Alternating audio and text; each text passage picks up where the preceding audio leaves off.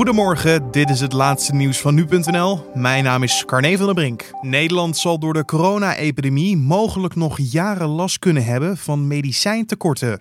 Met die boodschap komt Ludwig Kasteleins, directeur van medicijngroothandel Mozadex, vanavond in een aflevering van Zembla. Ongeveer 80% van de medicijnen in ons land is afkomstig uit China en India. Maar door de coronacrisis liggen de fabrieken en export daar stil. Deskundigen waarschuwen volgens Semla al jaren dat Nederland van China en India afhankelijk is voor het verkrijgen van een groot deel van de medicijnen.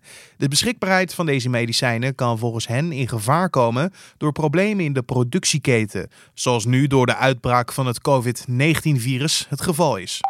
En door het virus dreigt er ook nog een ander tekort te ontstaan, namelijk aan beschermde kleding voor de bestrijding van de eikenprocessierups.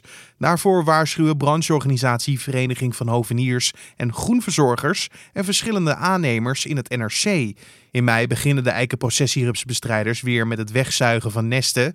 Maar volgens Mark Kusters, beleidsadviseur bij de brancheorganisatie, hebben de meeste aannemers alleen genoeg beschermingspakken voor de eerste weken.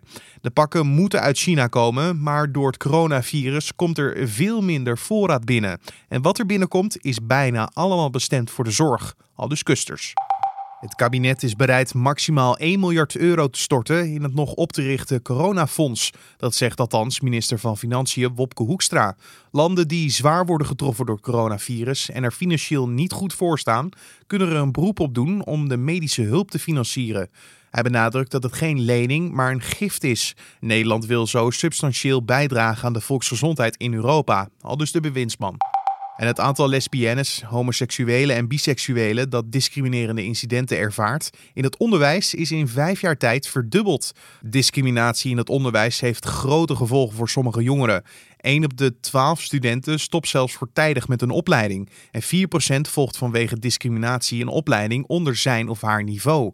Het COC zou graag zien dat minister Arie Slop van Onderwijs de aanpak voor de bestrijding van LHBTI-discriminatie op scholen aanscherpt. En tot zover de nieuwsupdate van nu.nl.